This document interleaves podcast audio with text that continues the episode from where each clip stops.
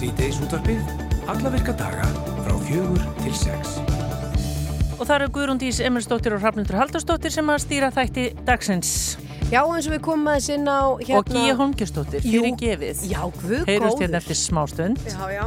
En eins og við komum inn á hérna í poplandinu áðan, þá ætlum við að fjalla þessum breytingar sem er að verða hjá BHM en ákveðu verið að gera breytingar á útlutunarreglu styrtasjós BHM og uh, þær taka gildi frá og með 1. april 2023 og breytingarnar eru rástöðun til þess að rétta við hallareksturs en útgöldsjósins og ásókn í sjúkra peninga hafa farið verulega fram úr áallun og Anna Lilja formaði styrtasjós verður á línunni hjá okkur uh, á eftir og hún ætlar að fara yfir stöðuna með okkur. Svona meira því þættinum okkar í síðustu viku þá var viðtal við Sigur Helga Guðjónsson formann og framkvæmtastjóra húseigandafélagsins þar sem að fjalla var um þjónustu fyrirtækja við húsfélög. Sigur Helgi hafði bent á það í grein á vísi að upp á síkastið hafi komið til kasta húseigandafélagsins óvenjumörg alvarleg mál vegna umdeildra framkvæmda í fjölegnahúsum sem að ráðist hefur verið í undir leðsök fyrirtækja sem að reyka þjónustu við húsfélög. Sigur vil meina að það vantir regluverk eða bara hreinlega lög í þessum málaflokki og við fáum til okkar á eftir Daniel Átnarsson, hann er framkvæmdastjóri eigna umsjóna sem að er fyrirtæki sem að þjónustar húsfélög og við ætlum að spyrja hann bara út í það hvernig þessu sé háttað, ég til dæmis hjá þeim því að þeir eru mjög stórt fyrirtæki á markaði. Snorri Helgarsson og Bergur Eppi þeir ætla að koma til okkur eftir að fá sér kaffibotla við ætlum að ræða við þá um þætti sem að, sem að þegar hafa hafið gungu sína hér á Rúf og er á förstaskvöldum og heita Fíla lag. Fjalla um íslensk dægurlög í samhengi við tísku og tíðranda og ef þið hef ekki séð á þá eru þeir í spilarunum algjörlega frábærir. Og svo ætlum við líka að fjalla um uh, það sem verður í kveikstætti kvöldsins og það eru fréttamenninir Arnildur Háldanadóttur og Tryggvi Albísson sem að koma til okkar en í kvöld verður fjallað um hættulegt íbúðahúsnaði og aðgerri sem að ráðast átt í eftir brunan á Bræðraborgastík og í síðar hluta þáttarins það voruð fyrsta stóra virkun landsvirkunar sem reist verður á í byggð skoðuð og uh, náttúruvend, orkuþörf, þýðing, grætnar orku fyrir umhverfið í heild og ímislegt fleira sem eru þættir sem að skipta þarna máli og uh, við ætlum að heyra allt um þetta hér á eftir.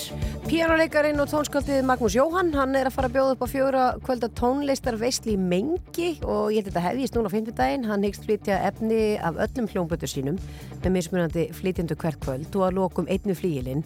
Uh, hann ætlar að koma til okkar hérna eftir og segja okkur betur frá þessu. En við ætlum að byrja á þessu.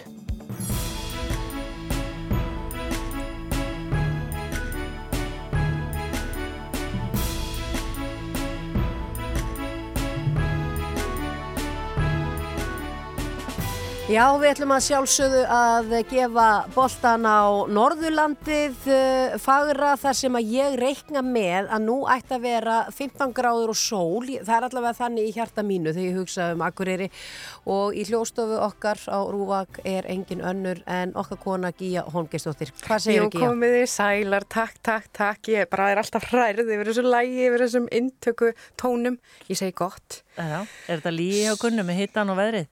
Hittin, nei, það er ekki lígi, en sólinn, kannski bara í hjartanu. Ha, það er skíjað, en það er svolítið rigning, það er, svona, það er hlý, hlýjindi, við skulum bara segja það. Svo er bara vonu bongo. Já, sem er nú ekki sleimt af því að það er stendur háti fyrir dyrum. Já, segðu, það er bara 15 steg að hitti pluss og það verður sól og gleði og það er nefnilega skíðamátt framöndan. það er alltaf skemmtilegt. Í kringum sumudaginn fyrsta, þá er það bara regla hér á Akureyri. Það eru andri sandarleikarnir og þeir verða einmitt settir á morgun og það hefur nú oft verið grína stund að hvernig er bara hægt að hafa þess andra sandarleika. Það er oft komið ansi gott viður á þessum tíma. En þetta er bara stemming og, og þetta er líka síðasta opnuna vikan í hlýðafjalli. Um, ég kíkti nú aðeins á myndirnar af svona brekkunum. Þetta er nú pínu svona það sést svolítið í, í, í uh, mold þarna á einhverjum stöðum. Ekki í brekkunum sjálfum kannski en, en, en, en uh, þeir segja að, að færi sé fínt vor færi og þetta verður bara virkilega skemmtilegt. Það er nú alltaf stemming á hérna Andris Andalíkunum Já og það lipnar yfir bænum með alla, alla þess að þáttakendur Algjörlega. Já. Og eins og ég segi, þetta verður sett á morgun og stendur fram á laugadag. Já, en er eitthvað annað svona í gangi fyrir norðan? Já, það er mikið svona barnastemming. Sko, uh, það er barna menningarháttíð í gangi mitt hér á Akureyri. Uh, April mánuður er alltaf árlega helgaður barna menningarháttíð hér og það eru alls konar vinnustofur og viðburðir á söpnum í gangi. Svo tók ég líka eftir að það var svolítið skemmtilegt að renna yfir það sem er í bóði þar. Til dæmis þá eru íbúður á hjúkrunaheimilinu hlýð, þau eru búin að vera að bjóða og ætla að bjóða nefndum í öðrum bekk grunnskólana til sín. Það ætla að spjalla við þau um, um barnarleiki sé ekki fallin spýta og eitthvað svona Já. eitthvað svona skemmtilegt Einmitt, hérna, og þetta er svona að hann gera fara þessi leikir ekkert í ringi Ætli það ekki, ég vona það. Já, Hvað með ykkur, þeir eru svo ungar, Gunna og Gíja. Ég er alltaf að fara út í fallna spýtu. Jú, við vorum í þessu en, en ég hef ekki séð börni mín fara í þetta. Það er vonandi að þetta fara maður þarf að fara að kenna þeim þetta. Já, einmitt. Já, Ég er nú búin að gleima mörgum af þessu reykjum Já. Ég, það, get, ég, það, ég þurfti að fara með það á elli heimili. Já, einmitt.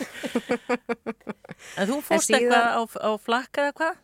Já, nei, ég fóð nú ekki á flakk. Ég fekk hérna til mín uh, góðan uh, viðmælanda í, hérna inn í hljóðstúdjó fyrir í dag. Það er nefnilega komið smá svona fyrringur í loftið. Ég hef ekki bara að heyra þetta. Já, endilega.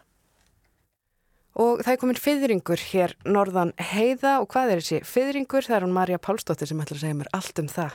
Kondur sælum að það? Sæl og blessið því. Fyrringur eh, á Norrlandi, Norrlandi Ístra, Hva, mm. hvað er maður að tala um?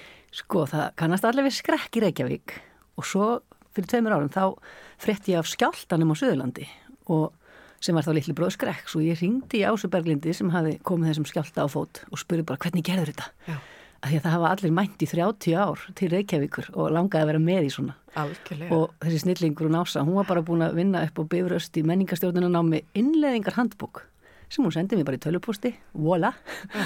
og þá gæti ég innleitt skrekk hérna, nei hérna fyrring þá, það er okkar ja. versjón, fyrringur hérna á Akureyri, eða Norðurlandi. Innleiðingar handbók, þannig að þetta er bara eh, leiðbenningabók. Þetta er um bara leiðbenningabók frá A til Ö, bara hvað þarf fyrst að hugsa um mm. og svo næst og hvernig best og allt snýst þetta um það að gera upplifun krakkana sem magnaðasta. Já. Þetta er bara sko ferðalæð fyrir þau, úst, að gera þetta eftirminnilegt og líka náttúrulega þetta er svo að því að þetta er sko líðræðislega vinnubröð og þetta er þeirra hugmynd, það er enginn svona sem kemur að ofan og segir krakka mín í geriði þetta þau bara mynda hóp sem vil vinna að þessu finna út hvaða hugmynd þau vilja vinna með og það er bara þrautinn þingri að það eru tíu hugmyndir, hvaða hugmynd á að velja og hvernig veljum hana.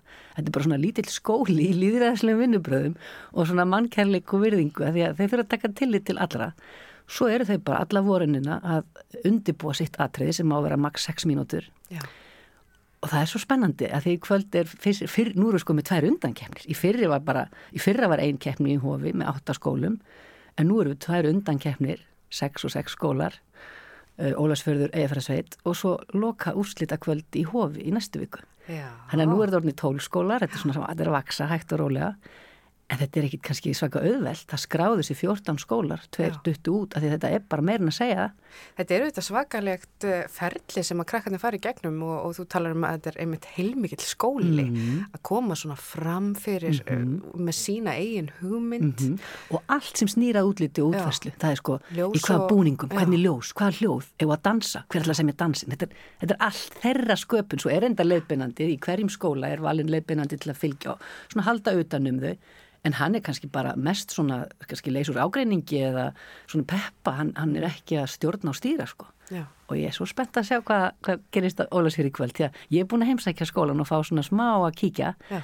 það var enda svolítið langt í land, þetta var fyrir páska og, og margir bara komið stutt á veg en bara umfjöllunar efnin eðlilega eru þau mikið að fjallum úlingsárin og hvernig þeim líður og sjálfsmyndina en það er líka sko, það eru lofslagsbreytingarnar það eru sjálfsvíg, Já. það er trans það er bara, það er allt sem að er að fretta sko og mm -hmm. þau eru að tjá sig um þetta. Þannig að fyrra undan úrslutakvöldið, það fyrir fram í kvöld mm -hmm. hérna og feðring á Norðurlandi, e, þessari hæfileika kæfni í grunnskóla og það eru 16 skólar sem taka þátt. Nei, það eru, eru 12 skólar, 6 í kvöld og Já. 6 í laugaborgarna kvöld. Já, ymmit. Og það er hægt að kaupa sér mið. Það er hægt að kaupa sér miða. Og lilla 1500 krónur og það er bara mak.is, það eru sér viðbyrðir. Já og ég skora fólk að renni Nólasfjörð og kikið Tjarnaborg og sjá hvað framtíðin hefur að segja. Og þetta er í annarskipti sem þetta er hér? Já, við byrjum á þessi fyrra mm. og það er menningafélag akkurir sem heldur utanum, ég vann hjá þeim þegar ég fekk þessu hugmynd og, og MAG sem sagt er að svona framleiða þetta með diggum stuðningi frá SSNE, Barnamenningarsjóði, uh, Samfélagsjóði Landsbankans og náttúrulega þessu þáttöku skólum tólum sem borgar þáttöku gjald og borgar laun leiðbennanda og, og SBA er að niður greiða rútur fyrir okkur líka, það er svona styrkja okkur með rútum og svona. Út af því að það er, það, sko, það er talsvægt verið að flakka á milli, þeir eru með þetta tveimur stöðum undan úrslita kvöldin. Já, þetta er nefnilega pínu. Þetta er stort svæði. Við erum svolítið að finna pjóli núna því að í Reykjavík er þetta náttúrulega allt í borgarleikusinu. Mm -hmm. Uh, skjáltin hefur held ég ekki haft undan kvöld en þá og við, við erum að reyna að finna út þessu. Kanski er betra að hafa þetta allt í hóf en samt þetta er svo mikið ævintýr að fara líka út, í, út á land eins og við getum sagt hér veist, í litlu félagseimilin og, og það þarf ekki að vera algjört copy-paste af skrekk sko. Uh, og það er gaman að, að virkja sveitafjöluinn í kring líka og það er bara spennand að fara álagsfjörð og inn í lögaborg og eiga smá dag þarna í sveitinni og, og fara í sund og vera saman Þessi gömli félagsheimil er nú líka svona á þeirra sko, heimaslóðum Nú er, nú er einn heimas, er mm. heimaskóli sem já. er svona gestgjafi. Já, já, já. Og getur notað sko fjáröflun í tíundabækjasjópu og eitthvað og þetta getur þá verið kannski róterast árið eftir ár og í rauninni lend, ég lendi smá í vandræðum núna, það voru all félagseimili bara uppbókuð. Það var bara lán, algjörst lána með tókst að ná lögaborg, það er að því að kallakonin sem venjulega æfur á miðugutaskvöldu með, með tónleika á Dalvik þannig að þetta var pínur svona stress en við getum verið undirbúnari næst og verið bara búin að taka frá kvöld mm. þegar við veitum hversu margi skóla taka þetta næst. Þannig að það eru undanúsleita kvöldi núna í dag og morgun mm. og þú ert bara fullu að undirbúa þetta. Ég er á leiðinu Ólasfjörð og teknimenn er að fara að gera og græja og svo koma krakkarnir í svona, við erum búin að raða niður skólunum í teknirensli, þeir fór 40 mínútur í dag á sviðinu til að renna aðtrennu sínu og hitta tekni, það eru sko teknimenn frá hverju skóla líka sem sjá um ljós og hljóð og úst, þetta, þetta er svo mikil skóli þau eru búin að hugsa þetta alveg og þau eru búin að vera að senda mér handrit og hljóðfæla og þetta er allt einhvern veginn að vera klárt. Já. og svo í kvöld bara klukkan 8 þá rennu í þetta og villi vandraðaskald verður kynir í kvöldu og morgun og svo Cecilia bæti stið bæði þá í hofi. Já og það eru domnumdur og læti sko. En svo verður uh, aðal kvöldið í hofi þarna, eftir slétta viku. Já. og það verður nú svolítið sjóð þar. Ég sé að þeir eru með alls konar Þar eru við með sko fyrringslægir Já, alveg eins og í skrekk og skjálta þá er, er krakkarnir eru með svona Instagram, þú veist, við erum með fyrrings Instagrami þar sem ímislegt fyrir fram. Mm. þar til dæmis fyrir fram hönnunar keppni á sviðs, svona baksviðspassa sem allir fá um hálsin og er svona æðislegu minningagripur og og hérna svo kjósaðu líka fyrringslægið og núna var það Gugusar uh, röddinn í klettunum. Og hún er bara að koma og spila og skemmta í dómararhliðinu í hofi í næstu viku þetta verður þetta verður skemmtilegt. Uh, Fyrringur uh, Norðan heiða. Fyrringur á Norðurlandi og það okkur langaði sko að fara alveg frá borðir til bakkaferðar. En mm -hmm. sem komið er eru við bara á Norðurlandi eistra og það er alveg nóð í byl við kannski vöksum bara hægt og rólega í vestur átt sko. Okkur vantar ennþá nokkra skóla sko hérna Norðurlanda eistra en, en það er bara gott að fara hægt og rólega í sækirnar. Við erum að læra líka svo mikið í leiðinni. Já, og kannski til ykkar nýju handbók fyrir svona Já, stór, stór svæði. við, geitum, mm. við þurfum eiginlega svolítið að gera það sko.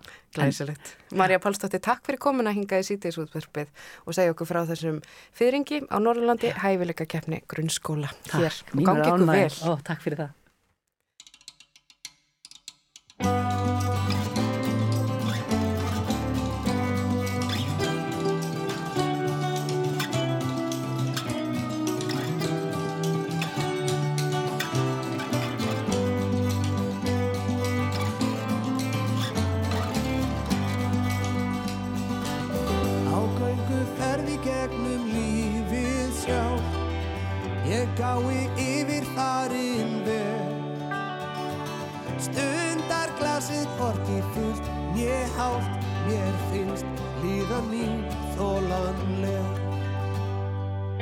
Framtíð er falinn bak við luktartir með fjársjóð og hindrimu ljón Sjálfan mig ég sífælt af því spyr sjá mig aðrir eins og það fló sem mist hefur litinn og tón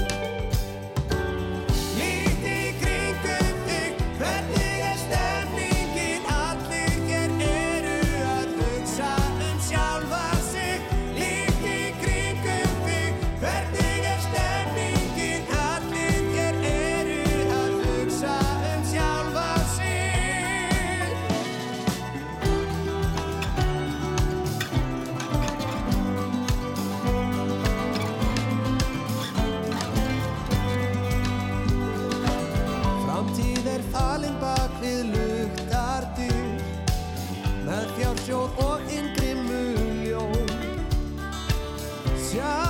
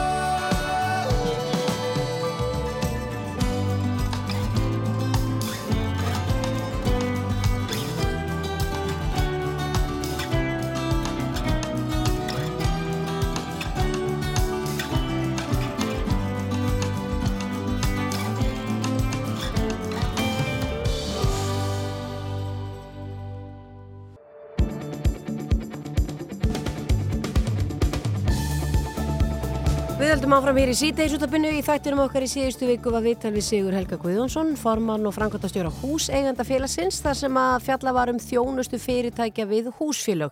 Sigur Helgi hefði bentað það í grein á vísi að upp á síkasti hafi komið til kasta húsegandafélagsins óvenjumörg alvarleg mál vegna umdeildra framkvæmda í fjölegnahúsum sem ráðist hefur verið í undirleðsögn fyrirtækja sem að reyka þjónustu við húsfélög.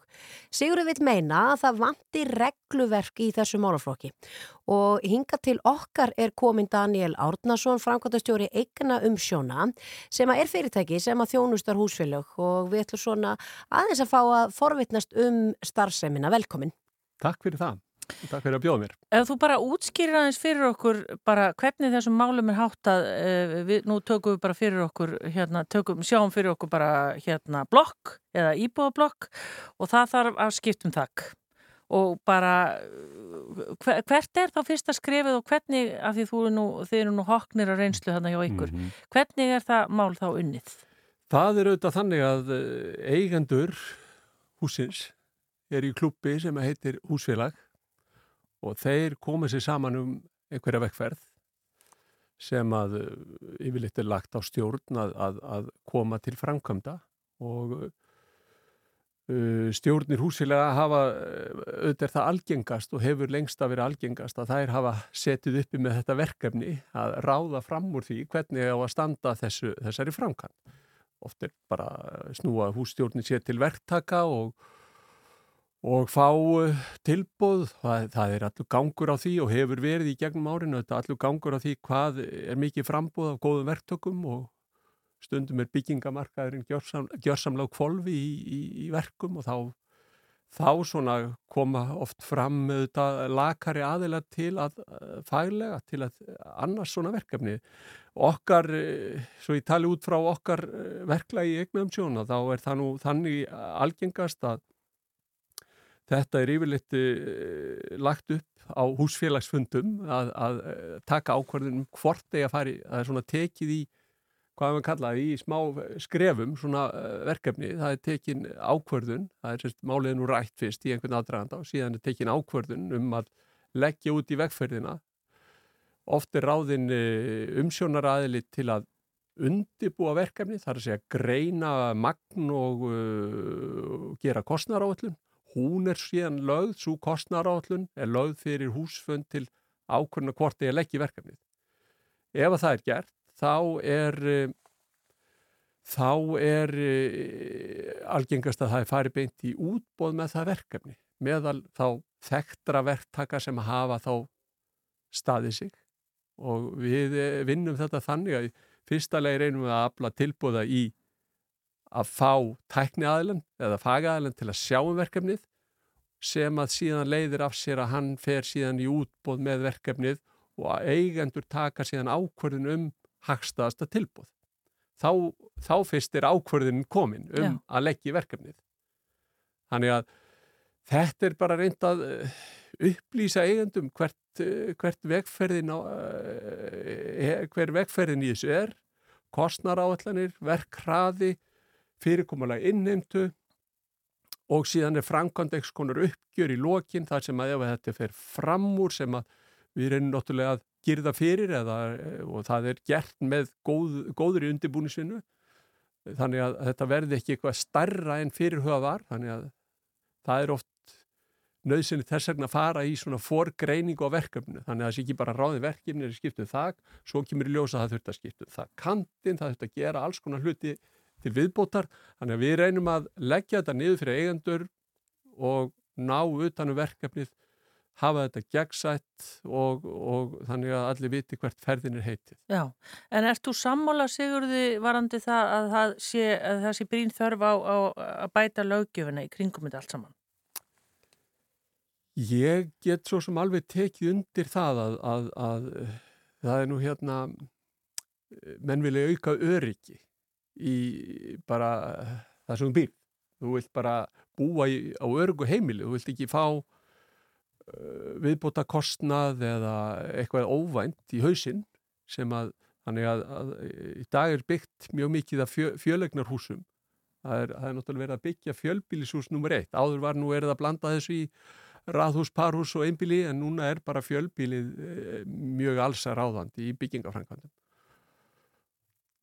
og, og ég myndi segja að, að svona uh, við höfum reynd að mæta sagt, kröfum, þá bara kröfum viðskiptavinn okkar með til dæmis því á þess að já, kröfum og ekki kröfum, kröfum okkar líka með því að vera með til dæmis uh, starfsábyrðartrygging og gagvart hugsanlegum mistökum Við höfum verið að uh, láta framkvæma ákveðnar úttektir á okkar starfi, við höfum fengið uh, virta endur skoðandarskrifstofu til að taka út fyrirkomulag á uh, greiðslureikninga, ákvarðanatöku, ímiskonar og fleiri verkferðlum til þess að styrkja það og gera okkur trúverður því að við verðum auðvitað að vera trúverður og tröstir til að þjónusta svona marka. Já, hann talaði um það að það hefði verið að koma til þeirra hjá húsæðandafélaginu, mm. óvinni mörg alvarleg mál vegna umdeildra framkvæmda í, í fjöleiknum húsum og hann sagði það bara hérna hjá okkur að kannski var að vera að rjúka einhverja framkvæmdi sem ég hefði ekki þurft að rjúka í og svo mm, framvegis mm. og svo myndi hver vísa á annan þið náttúrulega eru mjög stórt fyrirtæki á markaði en, en úst, ég er ekkert að endilega tala um ykkur, ég er bara að tala um önnur fyrirtæki mögulega hvað, hvar liggur ábyrðin liggur hún alltaf, að því nú bara veistu hvernig það er, liggur ábyrðin alltaf hjá stjórn húsfélagsins að hafa sagt já við að fara í framkvæmdunnar, að því hann var að tala um að menn var að vísa á hvern annan veistu, getur þú bara upplýst okkur um ég, það? Svo sem, uh, sko, ég, ég átta mig alveg á því þetta er nú svona heimur sem er einsleitur þegar á allt er litið þó virki, virki svona snúinn en ég átta mig alveg á því að það er auðvitað í fyrsta lagi eru mismunandi sjónamið uppi um hvort eigi að fara í framkvæmdir það er laungu þekkt bara að svo kallaða fyrirbyggjandi viðhald og viðhald í tíma er ódýrasta viðhaldið. Það er að segja, láti ekki hlutin að verða ónýta og fara að valda skada. Bara forvarnir? Já, svona vissan hátt. Á þess að þessi, ég held að það sé nú svo sem, þú ég noti þetta orð fyrirbyggjandi viðhald, þá held ég að við komumst nú send sko kannski á þann stað alveg, en allavega við erum ekki alltaf á langt á eftir, þannig að grípi inn í og það eru inn í mikil ábyrð í lögunum sem að ágættur Sigurinn nefndi þá er svo sem talað um það að húsfélög bera ábyrð að þau aðhafast ekki skiljiði mig, þannig að það er komin ábyrð eh, bara ef að þú verður fyrir tjóni inn í íbúð út af rak og miklu uh, þá geta, þá eru ákveði lögunum sem að leiða líkum að því að þú eigir bótamála húsfélagi vegna vannrækslu þannig að það að eh, húsfélög sé í stórum mæli að fara í óþara viðgerðir ég bara er, ég bara segja eins og er, ég er bara ósamála því. Að eldri hús eru yfirleitt komin á tíma. Við lendum hér í umfjöllun í februar út af stóru húsi upp í Breiðhaldi þar sem að uh, var verið að deila á uh, ótímabærar viðgerðir. Og uh, og leita því líka að það væri verið að skiptum glukka í öllu húsinu og alla glukka og þetta kostiði gríðarlega peninga. Þetta var mjög stórt hús og það þurfti að skipta um heila 200, 270 glukka en það var innan við fjórðungar á glukkum húsins, skiljiði. Þannig auðvitað var umfangi mikið í ljósi stærðar og uh, þetta var uh, í mínum huga mjög uppblásið og það er náttúrulega í öllum fjölbílishúsum skipta skoðanir um hvað á að gera og hvernig á að gera það. Sumir vilja skiptum glukka, aðri vilja fara og sponsa í sem að heitir það því bara svona að við gera við og lím og skrúa nýja lista utan á gamlu listana skiljiði. En húsfundurinn í, ákveður það? Húsfundurinn ákveður þetta, ekki stjórnin heldur húsfundur ákveður það og Já. í þessu breyðhóllstæmi þá uh, fækkaði heldur því að þá voru ákveðin aðila með tölvöld mikið mikið háaða, svona ákveð andó sem er fullan rétt á uh, það, þeir voru í upphafi held í 14 talsins af, af 200 íbúðum en þegar að upp að staðu búið að kynna máli þá voru 10 á móti 134 með. Já, þetta Skilji. lítur að vera fyrir eitthvað flókin bransi það því eins og þið segi, það, það, þetta er fjöleikna húsnæði og það býr, býr þarna býr mjög ólíkt fólk með ólíka skoðanir og eins og þú segir að núna eru flest hús sem eru byggð fjölbýlishús þarf jafnvel að bara bæta já, lögju við það, bara eins og fyrir húsfjölög og eh, alveg eins og fyrir svona Já, ég átti raunin eftir að svara þeirri spurningu að uh, ég tel að það sé alveg eh, mjög eðlilegt að, að, að gera kröfur til þeirra sem er að þjónusta. Uh, það er náttúrulega í dag, ég man ekki hvort, hvort það kom fram í viðtalinu sem ég lustaði á, hvort að sko ræstingafyrirtæki geta starta sér með sko litlum búnaði, eina föttu og eitt kústskiljiði, það það líku við þessi þannig og það geta margir þjónustæðilar hafi störf með litla með, með litla eh, innviði. Eh, Við höfum verið að leggja áherslu á það að styrkja okkar innviði bara í skráðum samskiptum, skriflegum, eh, skráðum verkferlum, eh, gæðakerfum utanum okkar starf. Félagið er með jákvætt eigi fér til, til að vera trúverður að því að ekki viltu tröst einhverju fyrir peningurinn sem er ekki sterkur á því svelli, skiljiði. Þannig að við erum að reyna að vera trúverður á þessu markaði. Uh, ég tek alveg undir það að uh, reglur uh, þarf að setja utan um svona starf og svona þjónustu, tala ekki með þeir ef þeir eru falið að gæta fjármuna annar aðeila. Mhm. Það er bara mjög eðlilegt. Okkur er falið og við höfum aðgang, semst, að við erum gjaldkerar húsfélagana í leiðinni með okkar starfi. Þannig að það er í sjálfu sér bara eðlilegu hlutur Já. að huga svoleiðis málum að aðilar sem, að, sem er, sem er treyst fyrir talikum fjármunum þeir, þeir uh, þurfi að undirgangast eitthvað próf. Já, en Daniel, er, nú er fólk að hlusta og það kannski þekkir auðvitað ykkar það. fyrirtæki eigna umsjón. Uh, það er auðvitað margir hann úti, menna, svona, veist þú sjálfur af mörgum dæmum þar sem að fólk fyrirtæki hafa dúkkað upp og búðist þess að þjónusta sem hafa svo ekki staðið sig, án þess að, ég menna, Í, í þessu sem við erum? já, Nei, ég, það er nú fyrsta leið örfás fyrirtæki og ég held að þau séu almennt að reyna að gera sitt besta. Það er, í dag er náttúrulega þjóðin orðin bara meira og minna vel mentuð og, uh, og uh, við til þess búum að því að það er mm, bara stærstur, langstærstur hluti í okkur er bara mjög vel menta fólk með mikið metna fyrir sín störn og Og ég haf bara ekki von á því að það sé verið að grafundan. Ég hef engin dæmi heyrt og ég heyrði reynda sigur ekki nefna einn dæmi um þetta. Eh, Þannig að ég eh, veit ekki hvaðan þau ættu að koma, ég, þau hafa þá farið fram hjá mér. Ég kann engin dæmi þess. Í bladagreinu sem vittnar í þá var verið að í að því að það væri sko verið að taka prósendur, uh, þjónustæðilega væri að taka prósendur af verkum og svo framvegis það er bara fjari sanni allavega okkar tilfelli, við höfum ekki hlutfall af, af, af uh, kostnaði verka og, eða því um líku, þannig að ég bara veit ekki alveg hvað er átt við. Næ, en ég tel að það þurfi að tala frekar kannski með jákvæðum brag af því að fastegna eigandum er þetta bara mikið hagsmunamál. Uh, það á að gera kröfur til okkar og allra það er mikið hagsmunamál að það sé hægt að fela tröstum og trúverðum aðilum uh, umsjón með sínum málum. Fjölbýlishúsin þau vaksa hér eins og gorkulur út um allan bæ og, og, og þetta er framtíðin. Við veitum að það er framtíð að búa í meðal annars svona stórum húsum. Þannig að það þarf að vera umgjör sem er í lægi Uh, Daniel uh, Árnarsson, Frankóttistjóri eigna umsjón takk fyrir að koma til okkar hingaði síðdeis og ræða þessi mál við okkur.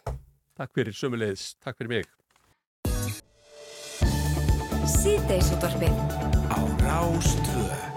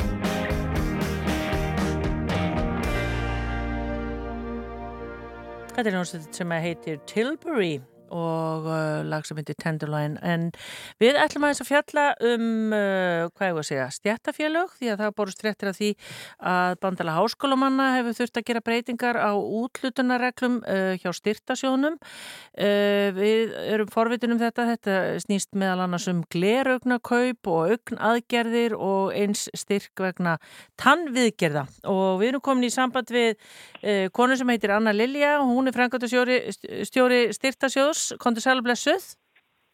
Já, kontur sæl. Eh, ég má til með að leiðrætta þig hérna aðeins. Ég er sem sagt formaður styrtasjós. Já, þú ert formaður, einmitt. Það er formaður af frækjandastjóri. Þetta er allavega toppurinn á þessu öllu saman. En, en segð þú okkur, hver er nú ástæðan fyrir því að þið ákvaðu að gera þessa breytingar? Já, uh, ég vil fyrst taka það fram að styrtasjóðurinn á við uh, þá félagsmenn sem starfa á ofnbjörnumarkaði, það er sagt, hjá ríkinu og, og hérna, sveitafélögum. Uh, við höfum verið að, að hérna, kljástu það að, að sjóðurinn hefur verið reygin með halla og við höfum þurft að grípa til ímissa ráða. Við til dæmis á síðast ári þá var það þannig að, hérna, að við fækkuðum sjúkardagpenningamánuðum sem voru greittir úr sex mánuðum, sagt, úr átta mánuðum í sex mánuði og svo aftur úr sex mánuðum í fjóra mánuði og heldum að við gætum hugsanlega rétta af halla með því að bregðast hann við. En það duð ekki til, þannig að hérna að áram, frá áramótum hefur verið að skoða hvað við getum gert þess að bregðast við e, eftirspurninni til þess að, að hérna, geta e, í raun og veru staðið undir skuldbindingunum að, að hérna, greiða sjúkradagpenningana og þá þurftum við að fara og horfa á meira regluverki hjá okkur heldur en bara sjúkardagpenningana þannig að þá þurftum við að horfa til fleiri styrkja. Og þá fórum við bara eftir skipulaskráni í raun og veru og, og, hérna, og skipulaskráin hún er þannig að, að hlutverkið er skýrt og það er, það er þannig að við höfum að greiða tekitapöfna fjárveru, veikinda, útgjöld vegna andlátt sjóðfélaga, fæðingastyrk og svo íminnskonar heilbriðstjónust og forvarnir. Og þá bara þegar við horfum á styrkin okkar, þá lág beinast við, eftir við vorum búin að liggja yfir þessu, að, hérna, að taka út glerurnastyrkin og tannviðgerðin, það flokkast ekki beint undir forvarnir, heldur að bregðast við ástandi sem er orðið. Já. Þannig að þetta, þetta var niðurstaðan hjá okkur. En, en það væri síðan rosa gott ef við myndum kannski bara snúa svo aðeins við og, og hugsa af hverju eru veikindi að auka svona rosalega. Já, og er, en, menna, er einhver skýring á því hvers vegna svona margir er að sækja til ykkar núna? Nei, nei, alls ekki. Sko, við, við hins vegar merkjum mikla og viðvarandi aukningu í eftirspurn eftir sjúkartafningum alveg frá árinu 2021 og eins og sakistanda vitum við ekkert hvað veldur þessari auknu eftirspurn á milla ára en, en, en það er í sjálfum sér ekkert endilega hlutverk sjóðsins að komast í bossi því heldur að tryggja þessa framfæsli eins og ég var að segja núna áðan, þú veist að við þurftum bara að breyta hérna, reglunum til þess að við getum staðið undir þeim skuldbendingu sem við erum eigum.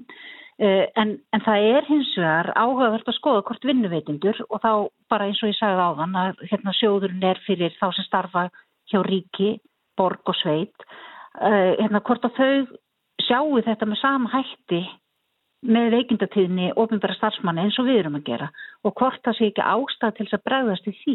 Já, en hvaða, hvað, þegar maður sækjur um í, í hérna, styrtar eða sjúkradagpenninga, er þetta mm -hmm. langt tímabil sem fólk fær greitt eða hvernig er því háttað?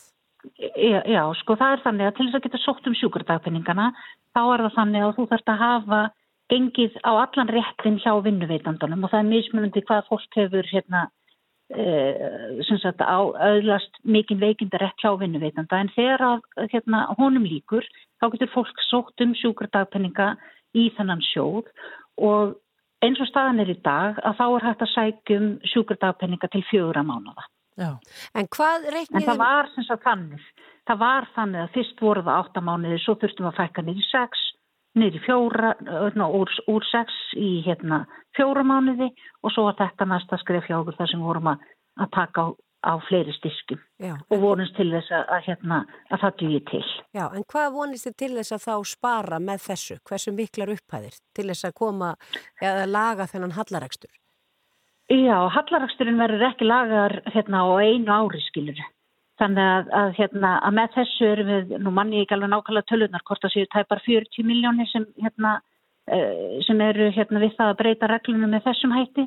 En ég menna bara á síðast ári voru við með hallaregstur upp á tæpar 200 miljónis. Þannig að einhvern veginn þurftum við að breyðast, breyðast við og, og sjóðurinn hefði þá náttúrulega bara farið í þróti, við hefðum ekki gert það og þá hefðum við ekki geta greitt hérna, sjúkratafenningana. Þannig að þú veist, stjórnsjóðsins eh, hérna, ber bara skilda til að bregðast við og, og, og hérna, til að geta staðist, staðið undir þeim skuldbendingum sem okkur ber að greiða.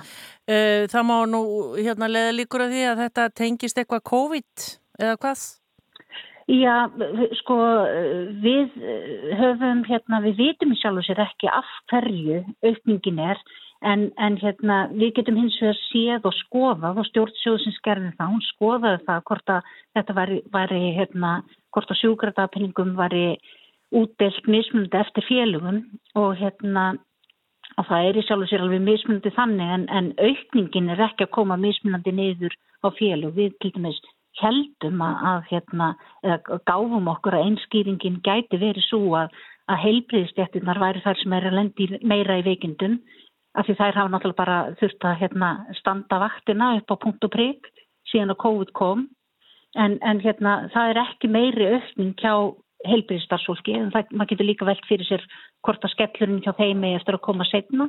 Við getum líka velt fyrir okkur að, hérna, að þeir sem stóðu ekki frontinum og, og, hérna, og þurftu bara að pakka saman og fara heim og vinna vinnunum sína heima og voru með börnin sín heima og, og voru hérna, þú veist það bara kemur annars konar álag, er það það hópurinn sem er að, að hérna, veikast meira, þú veist við vitum það ekki og þurfum í raun og veru að, að hérna, önnur tæku tólheldur en styrtasjóðurinn hefur til að skoða það af hverju veikindin er að aukast svo mikið. Já. Þið byrjið þá vantarlega til já, þeirra sem eru í BHM að bara sína uh, tillit og, og uh, vantarlega reikni með að taka upp glerungastyrk og svona aftur síðar eða hvað? Já, það er ekkert sem stendur í vegi fyrir því að við munum gera það hérna þegar hérna bara hagur sjóðsins fer að vangast en, en hérna það má líka geta þess að við stöndum í stefnumótun þar sem við ætlum að skoða alla reglu sjóðsins og hérna það mun þá bara tíminlegi ljós hvernig við getum hérna hanna regluverki þannig að það hendi sem best og sem flestum. Anna Lilja, formaður styrtasjós BHM, takk fyrir að vera á línu hjá okkur og gangi ykkur vel. Ekkert mál, takk fyrir kella.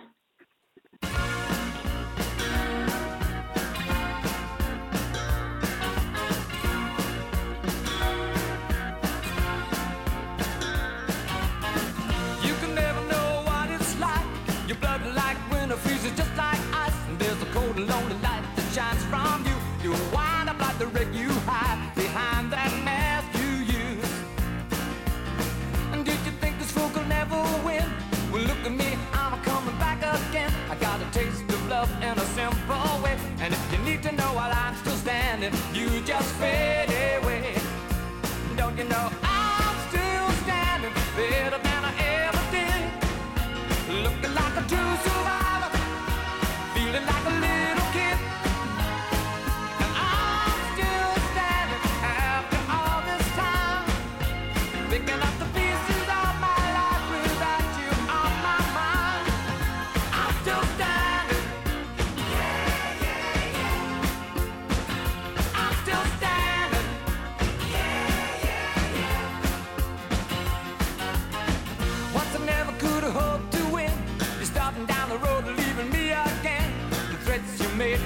cut me down. And if my love was just a circus, you'd be a clown.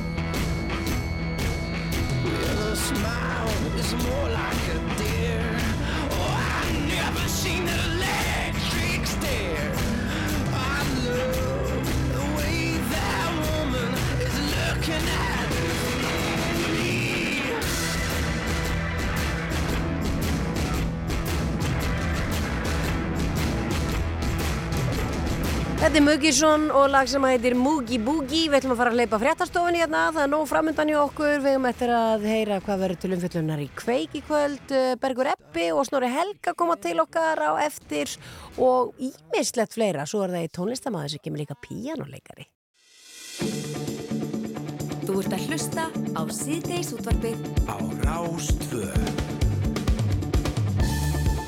Og líkt og venilega þá fjöldum við um það sem að teki verið fyrir í kveikstætti kvöldsins og uh, þau eru komin ynga Arnildur Haldunadóttir og Tryggvi Albjörnsson sem að sjá um efni uh, þáttanans í kvöld. Velkomin. Takk. Ég var að byrja þér, Arnildur. Uh, þú tekur fyrir leiguhúsnaði. Já, ég er að skoða svona húsnæði sem að ekki er löglegt að búa í en er búið í samt sem áður og svona uh, húsnæði sem svona er kannski óljóst hvort að er í lægi eða ekki. Uh, það eru margar, uh, margar gloppur og, og svona flækjur í kerfinu Já. sem að er að skýra varðan þetta. Já, forsaðan kannski brunin sem er, já, emmitt. Ég hefur endar þetta hefur blundað í mér alveg í svolítinn tíma bara alveg frá því að sko slökkuleiði fóra kortleikja þetta fyrst. Og ég fjallaði myndi speklinum á sífnum tífima og svo fannst mér svona góður tímapunktu núna mitt þrjú ár frá brununum á, á Bræðarborgastík að skoða hvað hefur gerst, var staði við það er fyrirallinir sem að áttur aðast í þessar úrbætur allar. Já. Já, en eins og til dæmis með leigusala, nú maður heyrt að já, þeir margir hverjir myndu gerðnan vilja láta já, fara yfir brunavarnir og svona hjá sér en þóri ekki að kalla til slökkulegðið af hættu við að, já, það verði kannski öllu skellt í lás. Kannið þetta eitthvað? Uh, ég hef svo sem ekki sko, verið alveg með þennan vingil en Uh, mér finnst ólíklegt að það yrði skellt í lás á, á staðnum. Það er þetta vendilega að tala um, um atvinnuhúsnæði. Þar hefur, hefur slökkulið heimildir til þess að hafa eftirlit og ég held að sko, þetta er svona svolítið langt ferli og það eru bara allra vestu dæminn þar sem að eigundur sína engan vilja til samstarfs og úrbóta lefið mér að fulla þetta þess að það sem er lokað. Frá því að þessi kortlagning var, var unnin núna 2021 síðasta kortlagning á, á svona búsetu í atvinnuhúsnaði þá hefur held ég að yngu húsnaði verið lokað en það hefur verið fylst svolítið náið með ég held þessu 40 heimilisfangu eitthvað þess að þar og svo fjöldum við líka aðeins um, um íbúðarhúsnaði og þar er, er slökkulið ekki alveg nú ánætt með þær heimildis eða skort á heimildum til þess að hafa eftirritt. Já og það er náttúrulega eru fréttir, það koma náttúrulega bara of oft fréttir af því að það kveiknar í húsnaði þar sem að já kannski er ekki allt með feldu. Já bara tvís var núni í vor sko. Bæði þarna funna höfðum daginn og svo brunin í, í vatnagörðu. Já. Áhugavert, þetta er fyrra umfyllunarefni kvöldsins í kveik.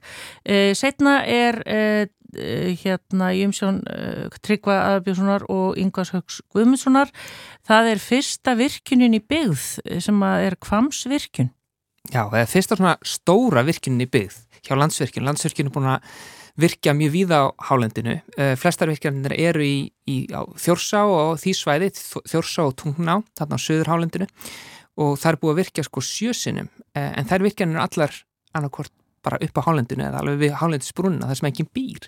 Uh, en þarna vill landsvirkjun reysa núna kvamsvirkjun niðri í miðri byggð þarna í, á mótum knúverðarreps og landsveitar og það vekur óneittalega einhvern veginn nýjar spurningar eða spurningar sem við höfum allavega ekki spurt okkur lengi vegna þess að jú það hefur verið virkjað í sóginu, það hefur verið virkjað í lagafossi, fljóstarskerðin, norður í fljótum hefur líka verið virkjað í byggð en uh, þessi virkjun er einn stór stökvirkjun og, og þessa virkjun líka allar orðnandaldi gamlar þannig að þetta er einhvern veginn spurningar sem við höfum ekki spurt okkur lengi sko, hvaða hagsmunir eiga að ráða því að sumir allavega að þeim bændum sem búa þarna við annað, þeir vilja ekki sjá virkjun beint fyrir framann uh, í túnfætunum hjá sér beinlinni sko.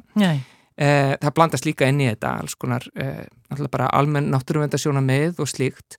Um, já og við yngvar haugur eins og búin að vera þarna, búin að fara á nokkra ferður austur, tala við bændur sem að eru þetta stendur í sumum, það er reynda búið að semja við alla bandurna, þeir fengu borga fyrir landi sitt en, en það þýðir ekki að séu alveg svona 100% ánæði með þetta Um, aðrir eru bara mjög jákvæðir þessu, þannig að það er svona mjög mismöndi viðþorf sem við erum svona einhvern veginn að reyna að varpa aðeins ljósi á og, og spurja um þessara spurninga með hérna hvaða hagsmunir það eru sem að eiga að ráða. Já, en af hverju finnst mann þetta að hafa farið svona pínu hljótt? Þetta hefur dreifst yfir alltaf langan tíma eða hvað? Já, sko, fyrst, sko fyrstu hugmyndur um að virkja þarna, þetta er þess að þegar maður er að keira upp í Þjórsárdal eða upp, upp á Búrfelli, þetta er þar svona 15 km fyrir neðan Búrfell uh, fyrstu hugmyndur um að virkja þarna voru sko, það var bara fossafélagi Títan sem eina Bendiktsson var með árið 1900 og sko, ég maður ekki 16, 20 og eitthvað svoleið sko.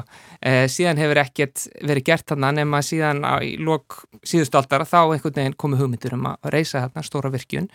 Eh, Ungverðis maður var gert sko fyrir 20 árum fyrst, eh, það eru sko 16 ára held ég síðan þetta fórin og skipulega hjá sveitafélagunum eh, og þetta er drefti einmitt yfir á mjög langa tíma. Alþengi samþýtti virkjunina fyrir sitt leiti 2015 um, og núna eru við komin á þann stað að það er bara beðið eftir því hvort að sveita stjórnendan þarna í skeið og knúperurreppi annars vegar og rangarþingi í dræhins vegar, sikkur um árbakkarum veiti framkvæmda leifi og, og bara landsverkjunni bara eiginlega tilbúið með gröfunar og vil byrja strax í sumar. En fólk þarna á svæðinu er, hefur mismundi skoðan og sumir ennþá einhvern veginn að reyna að berjast gegn þessu og, og hérna við erum svona einhvern veginn að segja sögu þessa, hvernig, hvað áhrif þetta hefur á þetta samfélagið? Já, greinlega mjög þarft og, og, og gott umfyllunarefni svona fyrst að það og eftir að taka þessar endanlegu ákverðun.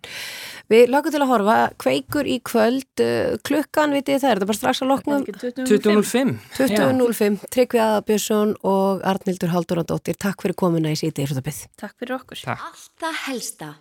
Síti í sútvarpið. Frá fjögur til sex á Rástvö.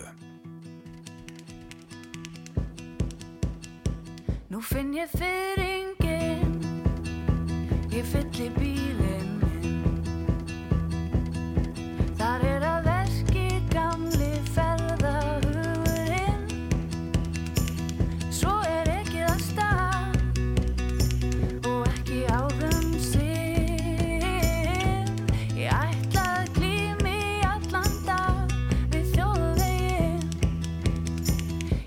Ég tek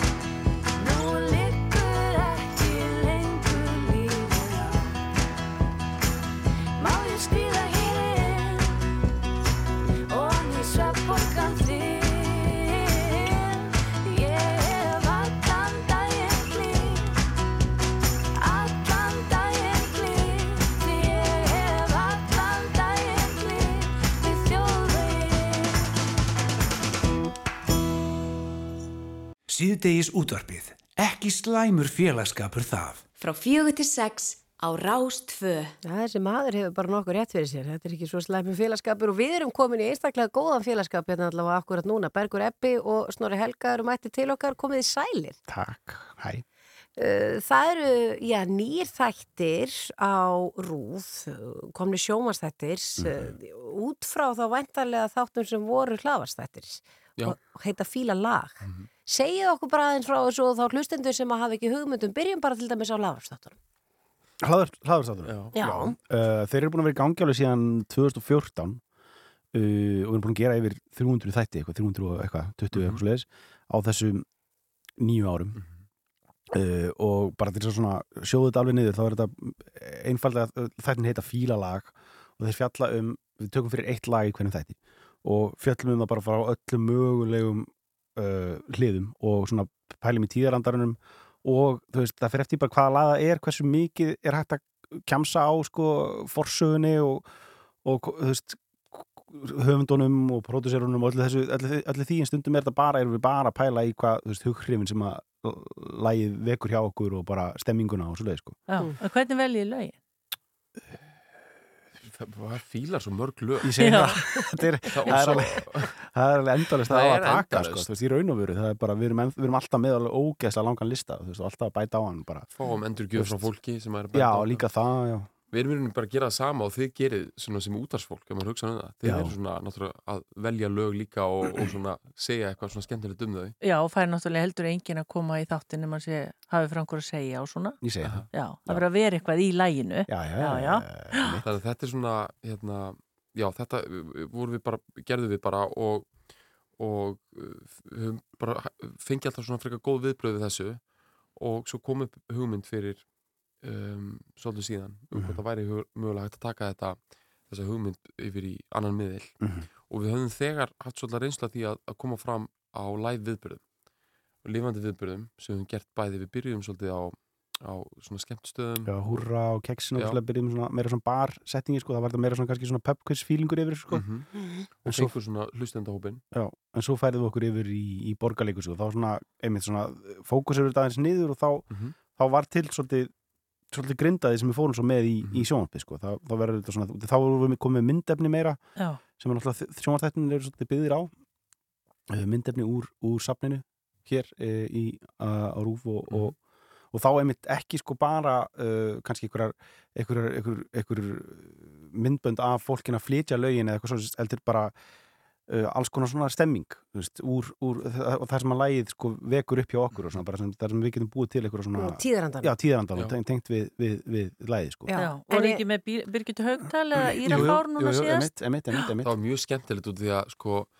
uh, Írafár var starfandi í kringum aldamótin og þetta eru svona um 20 ár síðan, um 20 ár og þetta er svona tímabil sem að við erum ennþá aðeins að gera upp við hver eru stóru symbólin og, og, og, og, Já, og já. íkonin koma sko.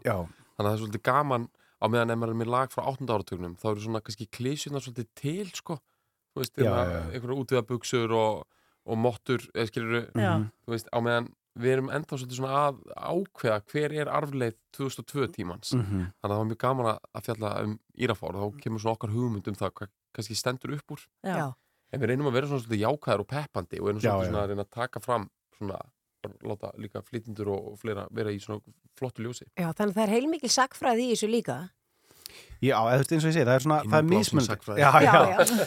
og þú veist, og hérna, já, það er svona, fyrir eftir, það bara fer eftir læginu, sko, hversu mikið við getum farið í það, eða hversu mikið verður, hvað verður ofan á, sko, sagfræðin eða þá bara eitthvað stemming, sko, eitthvað, eitthvað, eitthvað kæftæði, sko, sem við er líka sinst, um í næsta þætti Já. sem er bara gaman að segja frá núna því hann, hann fer í lofti núna eftir uh, á núna á föstu dag Mhm. þá erum við að fjalla um, hérna, um lag sem er eftir Bergþóra Átnandóttur en við ljóð Stein Steinars og heitir Verkamaður, eitt af hennar þekktustu lögum og stórkoslegt, stórkosleg smíð og flutningur líka í útgáfinu frá 1977 Mhm. uh, þarna erum við náttúrulega sko bæði með tíðaranda sko fyrsta ljóðbók Stein Steinars kemur út í byrjun fjórðáratugarins þetta þetta er krepputíminn Mhm. og bara raunveruleg svona sósialísk barátta Mhm. og svo líka þessi svona uh, keflavíkur göngu Já. og þessi sósialíska barátta áttunda áratugarins og auðvitað er ekkert hægt að fara eitthvað grúndikt í þetta, þú veist, í 25 mínúna sjónastætti, við erum að reyna samt að sjá hvað er sammert með þessu, hver er svona hinn eilífa barata Mhm. verkamannsins og hvernig er það miðlaði gegnum listina,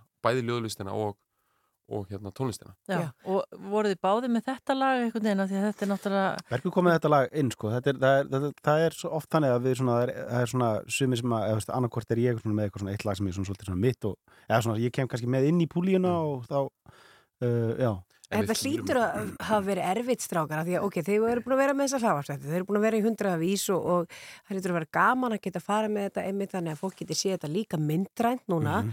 og að velja þetta er svo, þau tóku stjórnin á svona þú veist eitthvað, menna þetta er þetta hlýtur að vera alltaf erfitt að velja cream of the crops og ég bara svona sletti. Já, en þú veist, það var líka alltaf bara hugsunin að þetta kannski, þú veist, þetta er ekki endilega the cream of the crops, þetta er bara svona það sem okkur langaði til að- fjalla um, sko, þetta er, bara, þetta er bara svona út af því að það er svo enda löst að velja úr, skilju, það, og það er líka bara, veist, vonandi fáið bara að gera meira, skilju, þá, Já. þá, þá bara finnum við önnur áttalög sem Lítið á eitthvað daldi í svona pínu já, uppeldislutverki þá er ég á ég við að því að kannski er út fólk sem að einmitt man ekki eftir byrgitu tímanum með aldamóta tímanum og hvað þá eftir Bergþóru Átna og, og Já, allt þetta. þannig að þeir eru svona kannski að gefa smá glugga inn í já, mismunandi tíðaranda. Já, vonandi. Maður reynir náttúrulega, þú veist, að vera ekki kannski í svona alveg predikara eh, sæti sko með Nei, nei. svona- eins og sumt svona tónlistar umfjöldun verður stundum svona e elitist sko, svona Já. þetta er cool og þetta er málið við reynum einhvern veginn að, að fara svona svolítið meira inn í svona kjarnan á, á, á þú veist stemmingunni Já. og fílinginum það er líka, þú veist, við líka til dæmis ákvæðum að fá ekki nei- neina í viðtöl skilur það, ke- kem engin annar inn í þú veist, ef við færum að tala við Pálma Gunnarsson um, um, um mannakott eða eitthvað skilur, þá myndi það- þá myndi þetta veginn breytast algjörlega, þú veist, ef þetta, ef þetta væri þá eru komin í eitthvað svona sem hefur kannski verið gert áður, sko, en þetta er svona bara meira okkar sín á, eitthvað okkar sín á, á, þessi, á þessi lög og, og svona tíðarandan og, og, og þannig, sko Já. Hvað verður áður en við heyrum lagið með henni Bergþóru? Hvað, það, er, sagt hún, það er þetta lag núna á fyrstæn og þá, hvað eru svo margir þættir? Þetta er átt í heldina, þetta er, er, ekki, þetta er fjórði, já, þannig Já. að það er fjórir eftir Og það hverjir eru þá? Til? Sko, við, við gefum ekki upp að, hérna, hvaða lög vera tekin fyrir alltaf, því að erum fólk sér svolítið spennt og við Já. höfum alltaf gert það Já, með hlaðarpi. jú, ok. Þess að er óhætt að segja að, út af því að við erum, ja, talandum um svona ábyrð og, og, og menningar og uppbyldistæmi, sko, þetta er Já, allt já. íslenskt. Og Já. það var hérna ákvörðun, samílega ákvörðun hérna með dagskvöldild rúf, Já. að reyna svolítið að, þú veist, að því að hverju við endilega við að bæta eitthvað fjalla kannski um Bruce Springsteen á, á rúf, sko, þó að Nei. það sé mjög skemmtilegt, þá, þá eru svona að reyna að- að koma eitthvað nýtt Mhm. og kannski eitthvað svona sem er ekki fjallað um neitt rosalega oft Mhm. og, en við förum svolítið mjög völd þetta eru samt sko, mengið er samt í rauninni poptónlist Mhm. En við svona sprengjum það eins mikið út á hægtir Já, já, já. og, og reynum að vera með ími stímabil og höfum þegar tekið 91 stjórnina svo Já. fórum við til 58 með Haug Mortens og Erlu. Þorsteins og svo 2002 Mhm. svo fyrir við til 77 Mhm. þannig að við erum svona í íslenski dagur komum niður við það Já, það er- líka út af því að, þú veist, út af því að tónlist er svo rosalega samofin bara ok, lífi okkar alltaf, alltaf þú veist, og þá, þá, er, þá, er, þá er þetta svo góðu bara svona byrjuna, byrjuna punktur að reyna að greina bara samfélag og, og, og hérna bara manneskjur. Að bara byrja að tala um eitthvað, eitthvað eitt lag. Já, það er óslega góð leið til þess að bara, bara eins og við vitum bara, við tengjum sumarið þú veist, 90, eða, þú veist, 2005 og þá er kannski eitthvað, það er eitthvað lag sem að, þú veist, sem að, sem að litar allar minningar og, og, og, og, rammar þetta inn, líka sko. klókt að einmitt, þetta, þetta er bara svo klókt í svo hrifir að þessu. Ha, Heyrðu, en allir þetta- elska pop. Allir meina, það elska svo- pop. Já, allir elska pop. En lagið núna, þetta er semst í, þetta er upprunalega, þetta er semst í hennar flutningi. Mhm. Já, já. Og það verður semst kröfið núna á föstudaginn, Já. þættinum. Bergur Eppi og Snorri, takk fyrir komuna og gangi ykkur vel með þættina. Vonandi verður bara nú þáttaröð. Skarpiðin vonandi þetta að hlusta.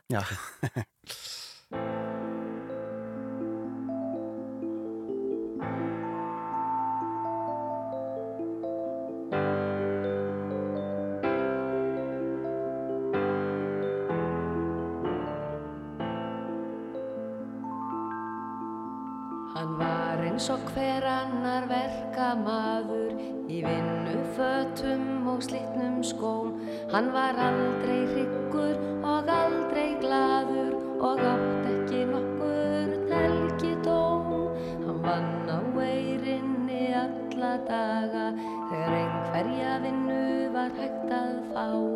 En konan satt heima að stoppa og staga og stugga krökkunum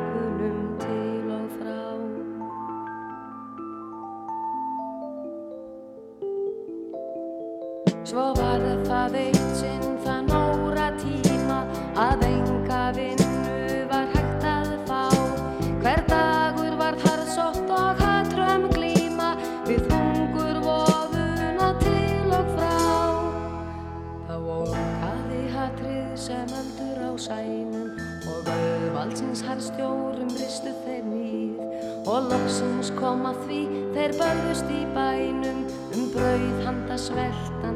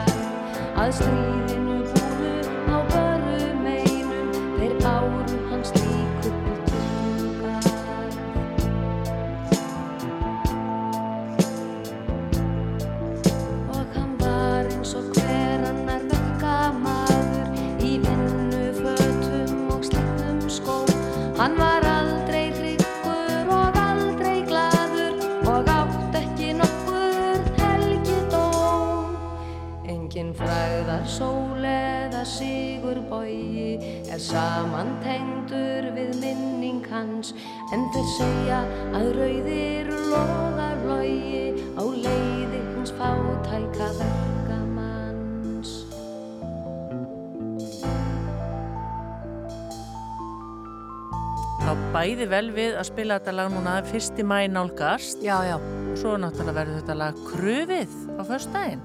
Í fíla lag, eh, nýjum sjómanstáttum á Rúf og þetta er náttúrulega, þetta er bara svona veldi, þetta eh, eru líka hlaðvarpstættir og svo Allabergur, Ebbi og Snorri Helga að vera með, já, hvað maður segja, lifandi viðburð, með Já. viðburð í borgarleikusinu, fíla lag viðburð, þann eh, 17. mæ næstkomandi. Einmitt, hugsaður, hugmynd byrjar, lítill hlaðvarstáttur, Já. svo vindur þetta svona upp á sig. Akkurat. Einmitt það. Við viljum að fá tónlist og svona en hér og eftir þá kemur til okkar maður sem er, já, ég vil nú ekki segja annari hverju hljómsitt á Íslandi, en það er mikið að gera í honum, en hann gætt hérna séð af smá tíma til heimsækja okkur.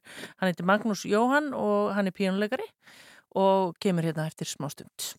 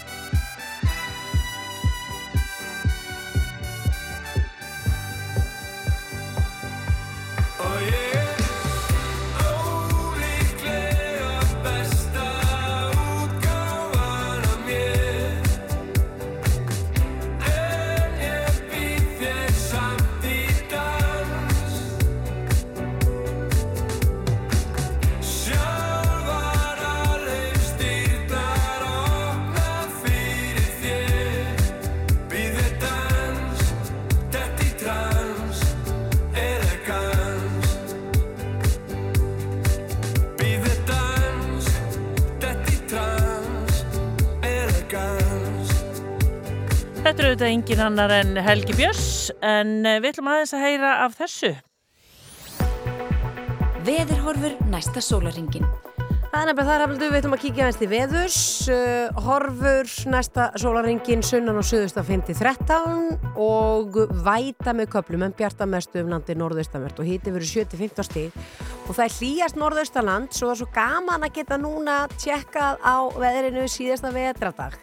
Já. Já, já, það verður 14 stíg að hýta á Akureyri, 15 stíg á Egilstöðum, 12 stíg í Bólungavík, 9 stíg í Reykjavík og 9 stíg á Kirkjubæðaklostri og þar getur verið pínu úrkoma og ef ég kikki á sumandaginn fyrstar hamli því þá veit ég að, uh, já, hendir þú þér ekki í stupu? Jú, jú, jú, jú.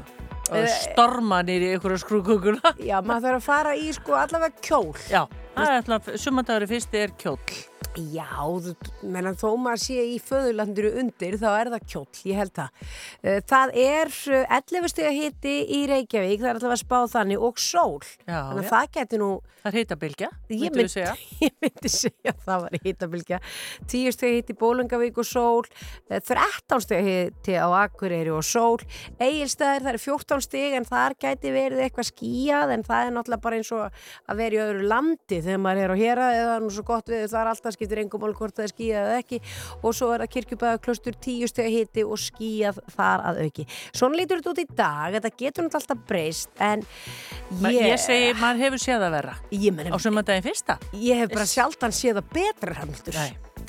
Einmitt það, heyrðu, Adele og svo Magnús Jóhann.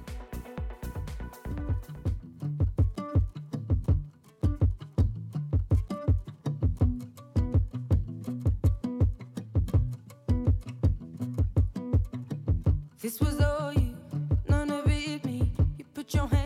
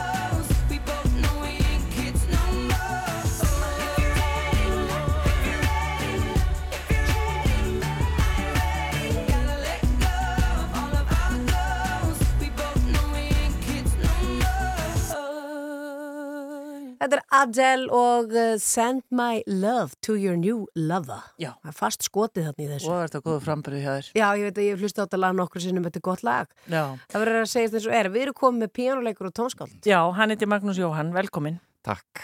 Það er svo mikið að gera hjá þér við rétt gátum sko fundið þennan tíma. Þú, þú hérna, er þetta okkar uppi, þú ert, það er brjálað að gera hjá þér. Þú ert í mjög mörgum hljósutum. Já, þetta er svona típist Íslendinga dæmi, það er brjálað að gera sko. Já. En uh, kannski sérstaklega í þessari viku því að ég er með tónleikaröð í vikunni. Það er náttúrulega sjálfskaparvíti sko, þessi vika, þessi svona mikið að gera henni en, en, en, en gleði efni enga síður, mér langar að halda þessa tónleikaröð, annars væri ég líklegast ekki hér. Nei, En- bara rétt aðeins um þig. Þú varst að segja okkur á, þú ert fættur 1996 Já. og þú einhvern veginn, ég man fyrir nokkrum árum síðan, þá voru við hérna með aðvendugleði hérna á Torgin á Rástöðu, þá komstu með GTRN, þá varstu svona aðeins að hérna, fólk var að kynast þér og síðan þá verist bara einhvern veginn alltaf sprungið út. Ertu svona frábæðir eða hvað? Já, ég kannski er ég bara svona eins og gulur bíl þegar þú kaupið gulan bíl að fyrir að sjá hann út um allt þú veist, svona ég fengið að heyra þetta en, en ég er náttúrulega bara búin að vera að svona e, gera músík bara frá því í mentaskóla og spila með alls konar fólki og svo hefur bara snjúboltin einhvern veginn aldrei hætt að rúla sko, það er svona stutta útgáðan sko, en, en jú, ég er vissilega búin að hérna vera síðan svona, ég spila með náttúrulega fullt, fullt af fólki sem að svona eru af minni, kyn, ég er búin að vera samferða rosalega mikið af svona minni kynslu og tónlistafólki e, sem að hefur síðan náð opaslega langt og, og átt góðu gengið að fagna og þá hef ég náttúrulega notið góðs af því eins og Já. hjá Guðrunu og, og við Bríett vorum að spila saman þegar hún var bara 15-16 ára á einhverjum inn á eldsmiðjunni og, og, og bækeif í skerjafyrði og íslenska barnum og, og svona mætti lengi áfram telja sko. Og, og svo er ég náttúrulega svona undarfæri ár búin að vera svona shifta svona færa svona eh, fókusin aðeins meira yfir á mig og mína músík svona hægt og rólega, búin að gefa út e, já, fjórar plötur síðan 2020 og þar með talin hérna sönglaða platan okkar guðrunar sem að koma í fyrra. Það er eiginlega eina platan sem er ekki með frumsamanni músík eftir mig en, en ég er svona, já, búin að vera bara hægt og rólega svona einbætið mér meira að eh, minni músík. En það þýðir ekki að ég sé hættur að gera allt hitt en bara svona, maður þarf að aðeins að velja og hafna. En talandum plötuna ykkar get ég hann Guðrunar, nöfnum minnar, þegar að, ég mani mig þegar að hún kom út skömmu síðar að við erum með svona lista hérna á Rástvö þar sem er farið við vinsalastu lög landsins með að við spila neyra á streymisveitum og allstaðar og ég gæti ekki hann að brosa eitt lögadaginn þegar ég var að þeysast um og útrétta því þið áttu bara, það var öll platan á listanum og Helga Margrét var að þylja upp og ekki bara þylja upp, heldur bara að spila nánast heila plötu. Þannig að það, hún, hún sprakk heldur betur út. Algjörlega, það var bara ótrúlega skemmtilegt og óeint hvað fólk tók vel í, í þá plötu og, og við seldum upp hérna víniluplæðið okkar hérna fyrir jól, áttum að fá hérna 300 auka eintök vikuna fyrir jól en fengum þýsku bókmentatíðindin í staðin en hérna það rettaðist allt og það er bara geggjað hvað það gengið vel og við Guðrún vorum einmitt með hérna, heldum tvenna hérna útgáðtónleika núna í februar og í Norðurljósasalunum í Hörpu og ótrúlega gaman og bara aldrei vita nema að það komi tíu sönglög í viðbót einhvern tíman, Nei. kannski ekki alveg strax en, en hérna bara gott konsept og okkur finnst gaman að gera þetta og það er náttúrulega aðalega það sko, ef þetta væri leðilegt þá myndi örgulega ekki koma fleiri plötur Nei, en Magnús, ertu bara svona aðeins að náminu? Ertu, ertu sem sagt, mentaðu píanuleikar eða hvernig? Já, ég hérna læriði sko jazz pianuleik í hérna FIH sem er núna MIT og, og, og allt það uh, Já, og ég hérna ég læriði svona var með svona smá tónsmíða íva í, í því námi og var að læra einmitt hjá skúlasverið sinni og Eithóri Gunnars og hérna og svo náttúrulega þegar ég var lítill þá var ég að læra pínuleik á Snorra Sigfúsi Birgisinni og læriði aðeins á klarinett og eitthvað svona hitt og þetta. En svo uh, er náttúrulega helsti skólinn bara búin að vera svona það sem að maður er svo heppin að geta fengist við hérna á Íslandi, það er svo lítil sena maður er svo fljótur að kynast öllum og e, maður er daldi mikið í þessu learn by doing, svo í sletti. Já. Bara, En- já. Já, kemur af miklu tónlistarfólki eða? Sko mamma er með burþararpróf í, í bíónuleik sko en, en, en mamma og pappi er, ég er sko úr læknafjölskyldu þannig að ég hérna er eiginlega svona liðhlaupi sko þar en það var lánu alveg fyrir sko þegar leiðin lág í verslunarskólan ég væri nú ekki að fara í læknanámið sko. En, en jú, ég hef nú þú veist, ef við viljum fara e, út í ættfræðina þá er náttúrulega eru, eru, eru músikantar aftur í ættir og svona og, og, og bókaútgefendur og ljóðskáld og hérna uh, og, og, og frængur og frændur sem hafa voru listneigð á á ýmsa vegu Já, einmitt. en, en hérna ég geti örgulega að tala allt og lengi um það en hérna, En þú ætlar ekki að gera það núna? er kannski ekki núna Við skulum tala frekar um tónleikaröðina Já. sem þú ert að fara að vera með núna í vikunni. Fjórir, fjögur kvöld.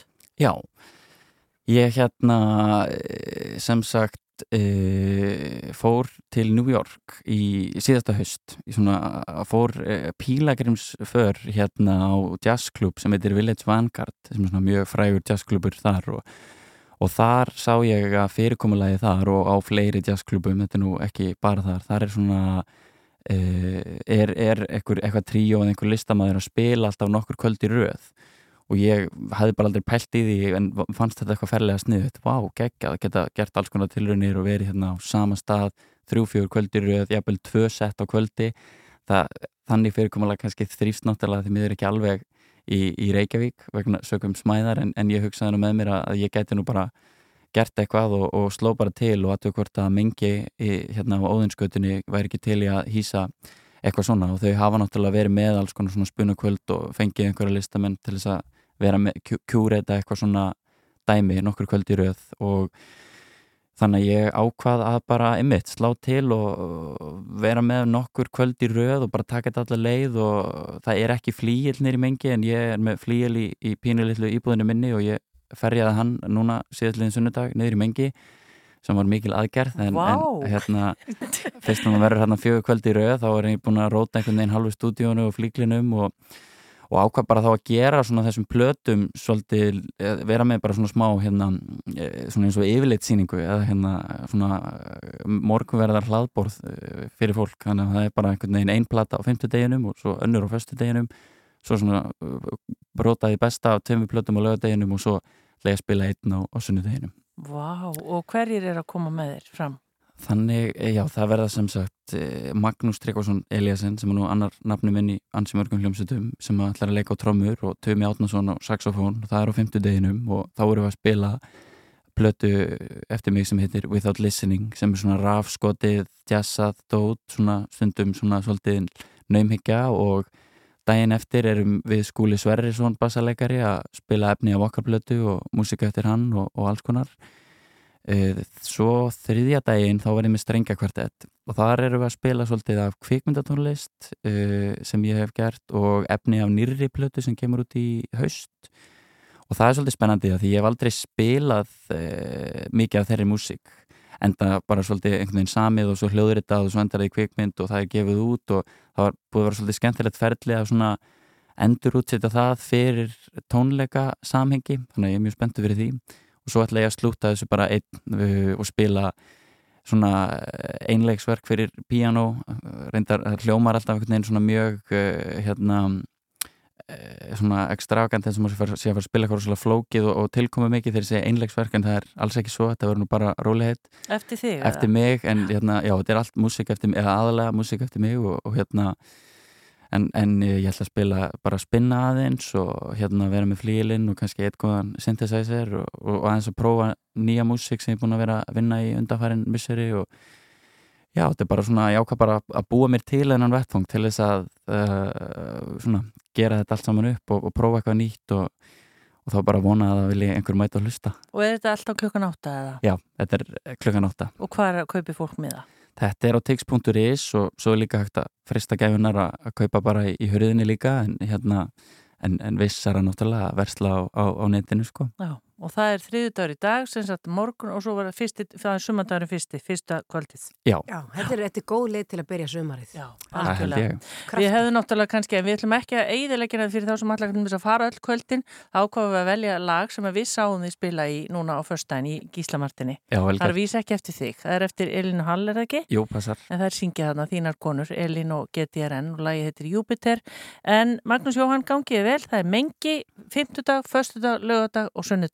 Gangið vel. Takk.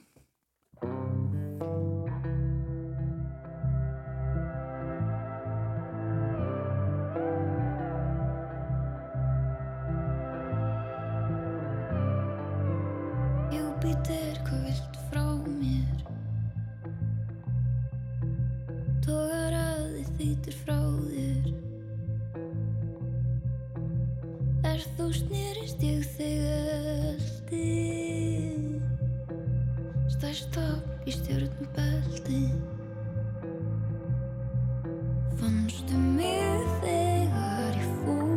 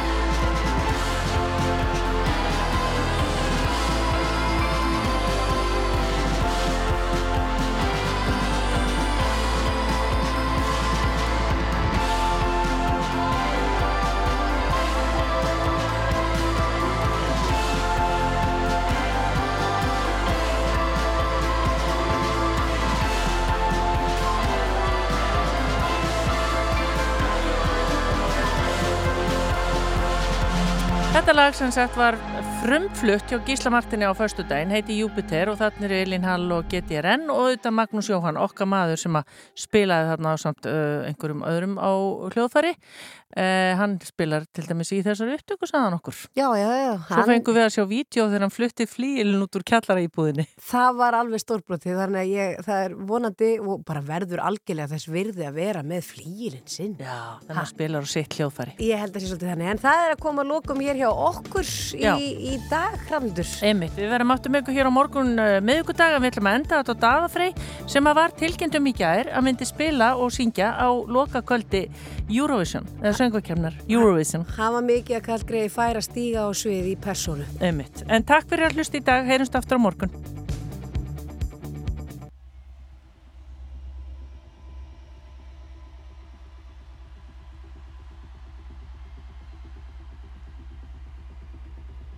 This is the beginning. This is not the end. I wanna see it all. See it all. Thank you for allowing me to see you.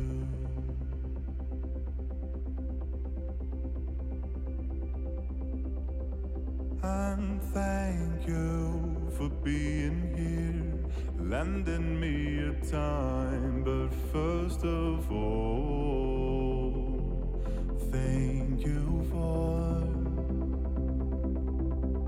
being.